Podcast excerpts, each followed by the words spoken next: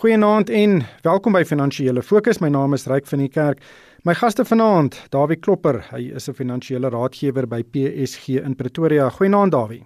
Goeienaand Ryk. En ook Mia Creer, sy's 'n portefeuljebestuurder by Creer Internasionaal. Goeienaand Mia.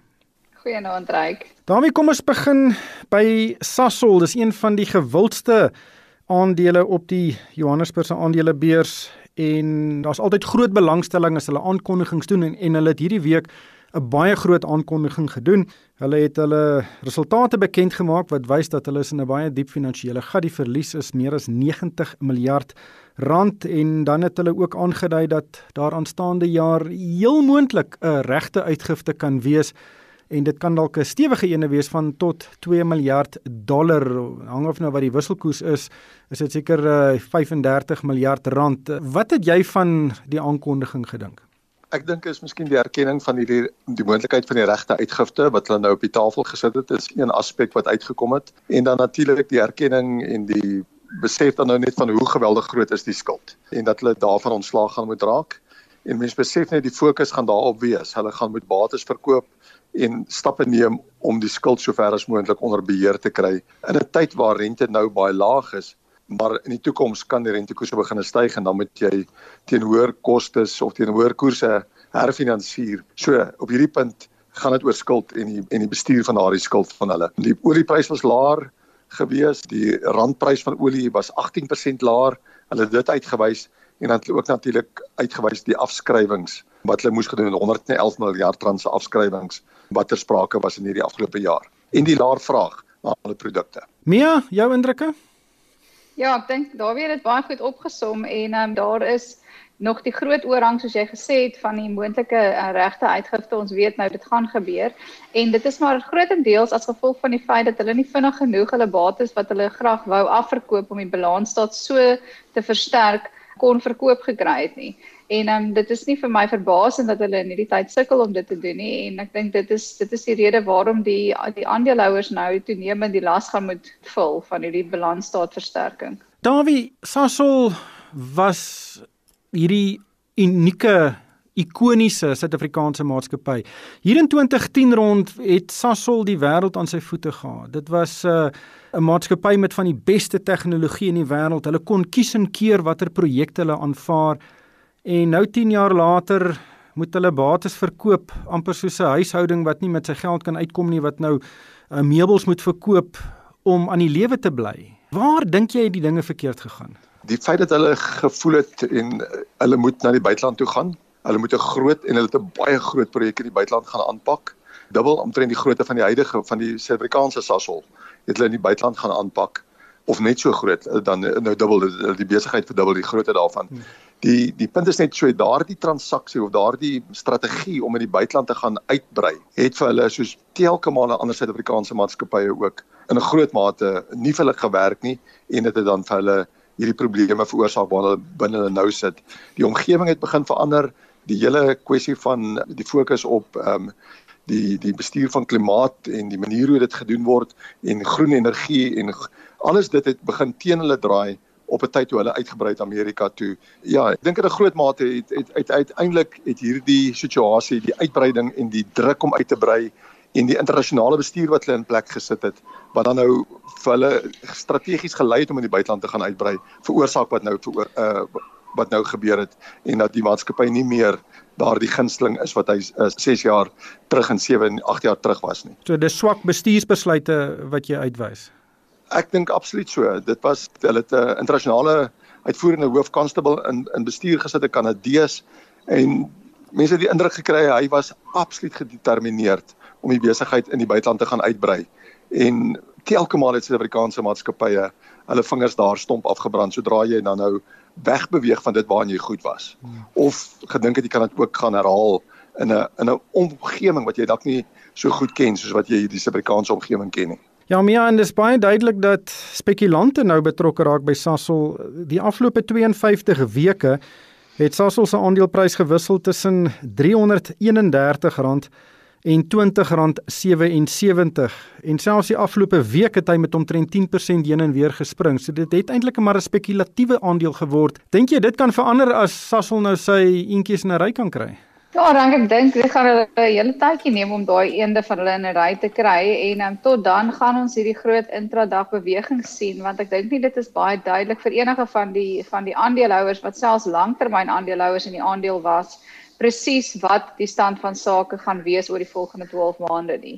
Dit is 'n verskriklike moeilike besigheidsomgewing waarin hulle self nou bevind. Almal in die wêreld bevind hulle self nou in 'n uitermate moeilike besigheidsomstandigheid en dan het ons nou nog die druk van die van die lae oliepryse op hulle en dan hulle natuurlik nou hulle groot balansstaat probleme. So die maatskappy self het op hierdie stadium meer probleme as oplossings wat my betref en ek dink solank dit nie uitgesorteer word of daar nie 'n duidelike uh, riglyn aan beleggers gegee word van presies hoe dit opgelos gaan word en hulle stelselmatig die lig aan die einde van die tonnel kan begin sien nie gaan ons steeds sien dat hierdie groot intradag bewegings in Sasol sal plaasvind. Ja, ek bly sommer by jou. Ons het ook resultate gesien van Standard Bank en hulle winste het amper gehalveer. Ons het ook 'n handelsverklaring gesien van Nedbank wat sê sy winste gaan ook dramaties daal.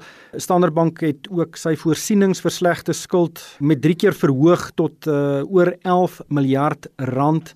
Dis baie duidelik dat die banke bekommerd is oor verbruikers se vermoë om skuld terug te betaal en hulle winste lê daaronder. Hoe het jy hulle resultate geïnterpreteer?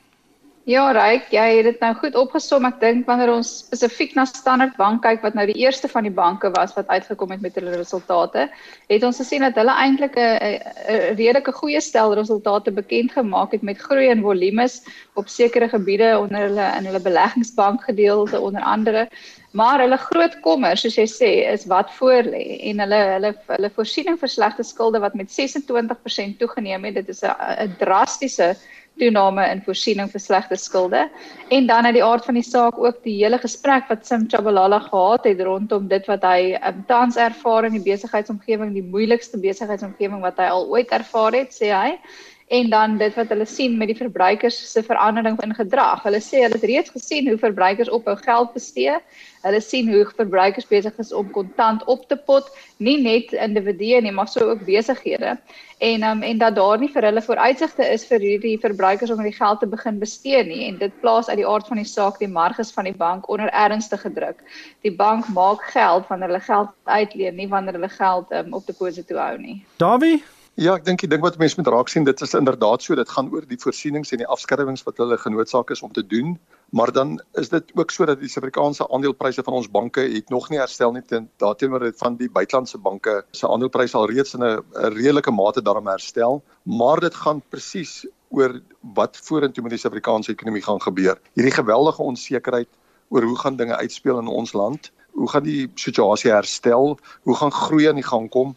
En dan natuurlik saam met die groei wat aan die gang kom, behoort dan nou weer bankaktiwiteite wees soos Mia dan nou genoem het dat dit dan vir hulle gaan oor om geld uit te leen. Die vraag is gaan hulle aggressief genoeg kan uitleen? Gaan hulle die vertroue hê om geld uit te leen weer in die toekoms en gaan die verbruiker dit wil kom opneem en dan ook sake. So dit gaan absoluut oor die vooruitsigte vir die Suid-Afrikaanse ekonomie wat op hierdie oomblik natuurlik nie baie goed is nie. Daar's 'n klomp onsekerheid oor die Suid-Afrikaanse ekonomie. Ons weet ons was nou genoodsaak om by die IMF te gaan aanklop vir hulp en ons is nie heeltemal seker hoe gaan ons in die volgende jaar of twee ons eie skuldposisie hanteer? Hoe ons gaan die, hoe gaan ons die makro-ekonomie aan die gang kry nie? Hoe diep gaan ons ekonomiese afswaai wees nie? En dan die baie ander lande wat nou al tipe van 'n 'n tipe van 'n 90% ekonomie kan van begin praat dat hulle gaan herstel na 90% toe van waar hulle was. Die vraag is gaan ons in dieselfde mate kan herstel vinnig genoeg om dan uiteindelik ook weer die banke te help om in die gang te kom. Ons moet net onthou dat die banke, Suid-Afrikaanse banke is van die beste besighede in hulle van hulle soort in die wêreld en dit is amper jammer dat hulle onder hierdie geweldige druk nou moet verkeer. Mia, ons is in 'n baie interessante situasie nou. Ekonome verwag dat ons ekonomie vanjaar met 8% gaan krimp. Maar daar's ook verwagtinge dat ons eers oor 2 jaar weer gaan wees waar ons was voor die inperking begin het. En dit beteken ons gaan op papier ten minste baie goeie groei syfers sien vir aanstaande jaar en die jaar daarna. En as iets met 8% krimp, dan moet dit met 16% weer styg om te wees waar jy was. Dink jy dit kan dalk 'n verskil in aandelepryse maak omdat ons op die oomblik op so 'n lae vlak is veral in die finansiële sektor? Ja, reg ek dink dit is redelik optimisties hierdie verwagtinge dat ons dit ons um, slegs 2 jaar gaan neem om terug te kom waar ons was voor die inperking. Ons was reeds in 'n resessie met daardie tyd en um, wanneer ons kyk na van die sterkste ekonomieë in die wêreld, dan is hierdie ekonomieë skaars oortuig dat hulle in 2 jaar se tyd alweer terug gaan wees waar hulle was voor die inperking. So ek dink daar is nog baie onsekerheid rondom die spoed van ek ekonomiese herstel, die standhoudendheid van ekonomiese herstel en al die verskillende ekonomieë maar ook ook veral in Suid-Afrika waar ons talle ander probleme in die gesig staar boonbehalwe die COVID-19 epidemie en die impak daarvan ons op op ons ekonomie. So ek dink die die feit dat ons uh, 'n drastiese toename in werkloosheid gaan sien in ons land sonder enige 'n uh, duidelike prentjie van waar daar verdere werkskeping vandaan gaan kom, is 'n baie groot uh, kommer vir my en en maak dit vir my moeilik om te sien hoe ons ekonomiese groei op tot 'n vlak sal kan stimuleer dat ons weer oor 2 jaar terug is waar ons was voor die pandemie en dit uit die aard van die saak het dan 'n direkte impak op al die die genoteerde maatskappye wat uh, wat besigheid in Suid-Afrika doen. Ja, daar weer ons gaan 'n 'n spring sien in ekonomiese aktiwiteit dit net omdat die ekonomie nou heeltemal of basies heeltemal oop is, maar toe kom Eskom hierdie week en sê hou my bier vas. Ons gaan weer beerdkrag sien. Ja, dit is hartseer nee, ryk dat dit moes gebeur het. Dat hulle nie die tyd met die inperking behoorlik gebruik het om om onderhoud te doen aan hulle stelsels nie. Ja, natuurlik het hulle ook vir ons gewaarsku hierso, maar ons het nie beplan om dit nou te doen nie. So ons was nie gereed, ons het nie voorraad gehad om alles te doen wat ons moes doen nie. Maar dit is jammer dat ons in 'n tyd waar ons al reeds eintlik laer ekonomiese aktiwiteit het en steeds het al al begin ons bietjie te herstel, dat hulle nie in staat is om die nodige krag te lewer nie. Dat hierdie stelsel kort kort omval en dat daarvan die eenhede afskakel dit is ehm um, dis eintlik skrikwekkend negatief vir die vooruitsigte vir die groei. Want die ding wat ek nou wou gesê het ook op Mia se se opmerkings die ding wat ons kort om ekonomie in die gang te kry is vertroue. En as Eskom dan nou omval dan ondermyn dit vertroue des te meer. Dit reeds op soveel plekke waar vertroue eintlik onder druk is en nie regkom nie dat dit nie ook nou nog nodig was nie. Maar nou is dit die geval. Hoe gaan ons Eskom regkry? Ook daar gaan dan met hierdie groot stappe gedoen word wat al aangekondig was 2 jaar terug toe die president Ramaphosa aan bewind gekom het, het hy genoem dat Eskom sal opgebreek word in verskillende dele ensovoorts. Daardie strategie moet nou in plek kom sodat ons kan vorentoe beweeg en dat ons ook kan krag koop van oral af waar daar krag in Suid-Afrika beskikbaar is. Ons kan nie bekostig dat besighede nou nog ook boonop moet sukkel om met gebrekkige krag aan die gang te bly nie. Ja, ek dink daar's dinge wat vinnig kan gebeur, so skoopkrag aan van onafhanklike kragverskaffers en vir my beerdkrag want daardie ekonomiese skade is baie groot maar mens moet ook erken Eskom is besig met 'n hele projek om die nodige instandhouding te doen. Ek dink dit uh, sal einde volgende jaar sal dit eindig so ons gaan maar hierdie hele storie dophou. Mia die rand het hierdie week bietjie sy spiere gebult en dit het geveld gewen teen omtrent al die groot internasionale geldeenhede wat beteken die rand was sterk en dit was nie net uh, die pond die dollar en die euro wat uh, bietjie verswak het nie. Waar skryf jy dit toe Ja, weet jy, um, Ryk, ek sien dit self en ek dink byvoorbeeld wat vir my interessant was is dat ons die laaste 10 dae, wel tot en met eergister, 'n redelike verswakking in die dollar gesien het teen die teen die groot geldeenhede en dit was wat my betref aanvanklik die drywer vir die herstel in die rand ook. Ja, die rand het iets sywaarts beweeg. Ek dink die rand is is redelik afverkoop. Daar was 'n groot 'n uh, klomp verkopers van Suid-Afrikaanse bates die laaste klomp maande. Ons het gesien hoe lyk die uitvloeye van buitelandse beleggers uit Suid-Afrika uit die staatseffekte sowel as uit aandele uit en dit het uit die aard van die saak 'n negatiewe impak op die randwisselkoers. Die herstel daarvan kan wees dat ons eenvoudig net te goedkoop verhandel op hierdie stadium. Ons het nog uh, ek het nog hoop in die agterkant van my kop dat ons moontlik na 'n meer billike vlak van nader aan die R15 kan terug terugkeer al is dit net vir 'n kort tyd. Ons weet die rand verhandel bykans nooit teen sy billike waarde nie, maar um, dit is my hoop dat ons wel nog 'n geleentheid sal sien om om buitelandse blootstelling verder te verhoog. Daar wie R15 vir 'n dollar, ek dink baie mense gaan glimlag as hulle dit hoor. Eh, dink jy dis enigstens 'n uh, 'n moontlikheid? Dit moet sekerlik moontlik wees, weet ons was 2, 3 weke terug nog op R16.50 gewees en ewe skielik daarna het ons weer verswak en nou weer klein bietjie versterk, baie wisselvallige geldeenheid waarmee ons te doen het. Ons moet net een ding raak sien is en dit is dat die dollar bykans 10% teen die euro verswak oor die afgelope 4 maande van maart maand af. So het, ons het ook met dollar swakte te doen gehad en wat eintlik in daardie omstandighede jammer is, is dat die rand nie eintlik reeds heelwat versterk het teen die dollar nie. Die rand is teen die euro en teen die Britse pond op dieselfde vlakke as wat Maart April. So ons het regtig waar hier te doen onder andere ook met dollar swakte en die rand sou die rand vertoon ook eintlik maar swak in hierdie omstandighede want gegee dit wat in daardie markte gebeur en wat met die kommoditeitspryse gebeur het moes die rand eintlik al reeds sterker gewees het as wat hy die afgelope week op wat was. Dan net laastens Mia, te midde van al die geraas in die wêreld kommer oor die siekte, politieke spanning tussen China en Amerika, gaan die S&P 500 indeks wat uh, as ek net uh, terugdink in Maart sy grootste val in in dekades gehad het, herstel hy en hy's nou op 'n nuwe rekord hoogtepunt, 'n hoogtepunt van wat hy nog die hoogste vlak wat hy nog ooit was. Dit is net ongelooflik hoe markte nie 'n barometer is van sentiment nie. Absoluut en ek weet wanneer ons kyk na jy weet die drywers weet ons almal baie goed nou teen hierdie tyd al dat dit uit en uit die tegnologie aandele was wat die mark gedryf het tot hierdie hoogtes op die Nasdaq is dit net soveel meer duidelik vir ons as nog as op die S&P 500 maar wanneer ons na hierdie maatskappye kyk sien ons dat hulle in 'n ideale uh, posisie is om te om min te slaan uit die huidige ekonomiese omgewing alles is aanbesig om aanlyn te beweeg. Dit is uit en uit hulle besigheidsmodel en dit ondersteun hulle verdienste soos wat ons dan ook gesien het met hulle almal se verdienste wat uitgekom het en eintlik baie goed gelyk het. Maar die feit is dat hoe goed 'n maatskappy ook al is, hy kan ook te duur raak. So ons moet maar net uh, bewus bly van die feit dat die mark lyk nie goedkoop nie. Ons uh, sien nog heelwat maatskappye wat uh, ver van die vlakke af is waar hulle verhandel het. Ja, dit is so. So die gemiddeld in daardie geval is nie noodwendig heeltemal op die duur vlak nie, maar ons moet bewus wees daarvan dat selfs al is 'n maatskappy baie goed en goed geposisioneer, kan hy steeds te duur wees en mag daar dalk die kleinste, die geringste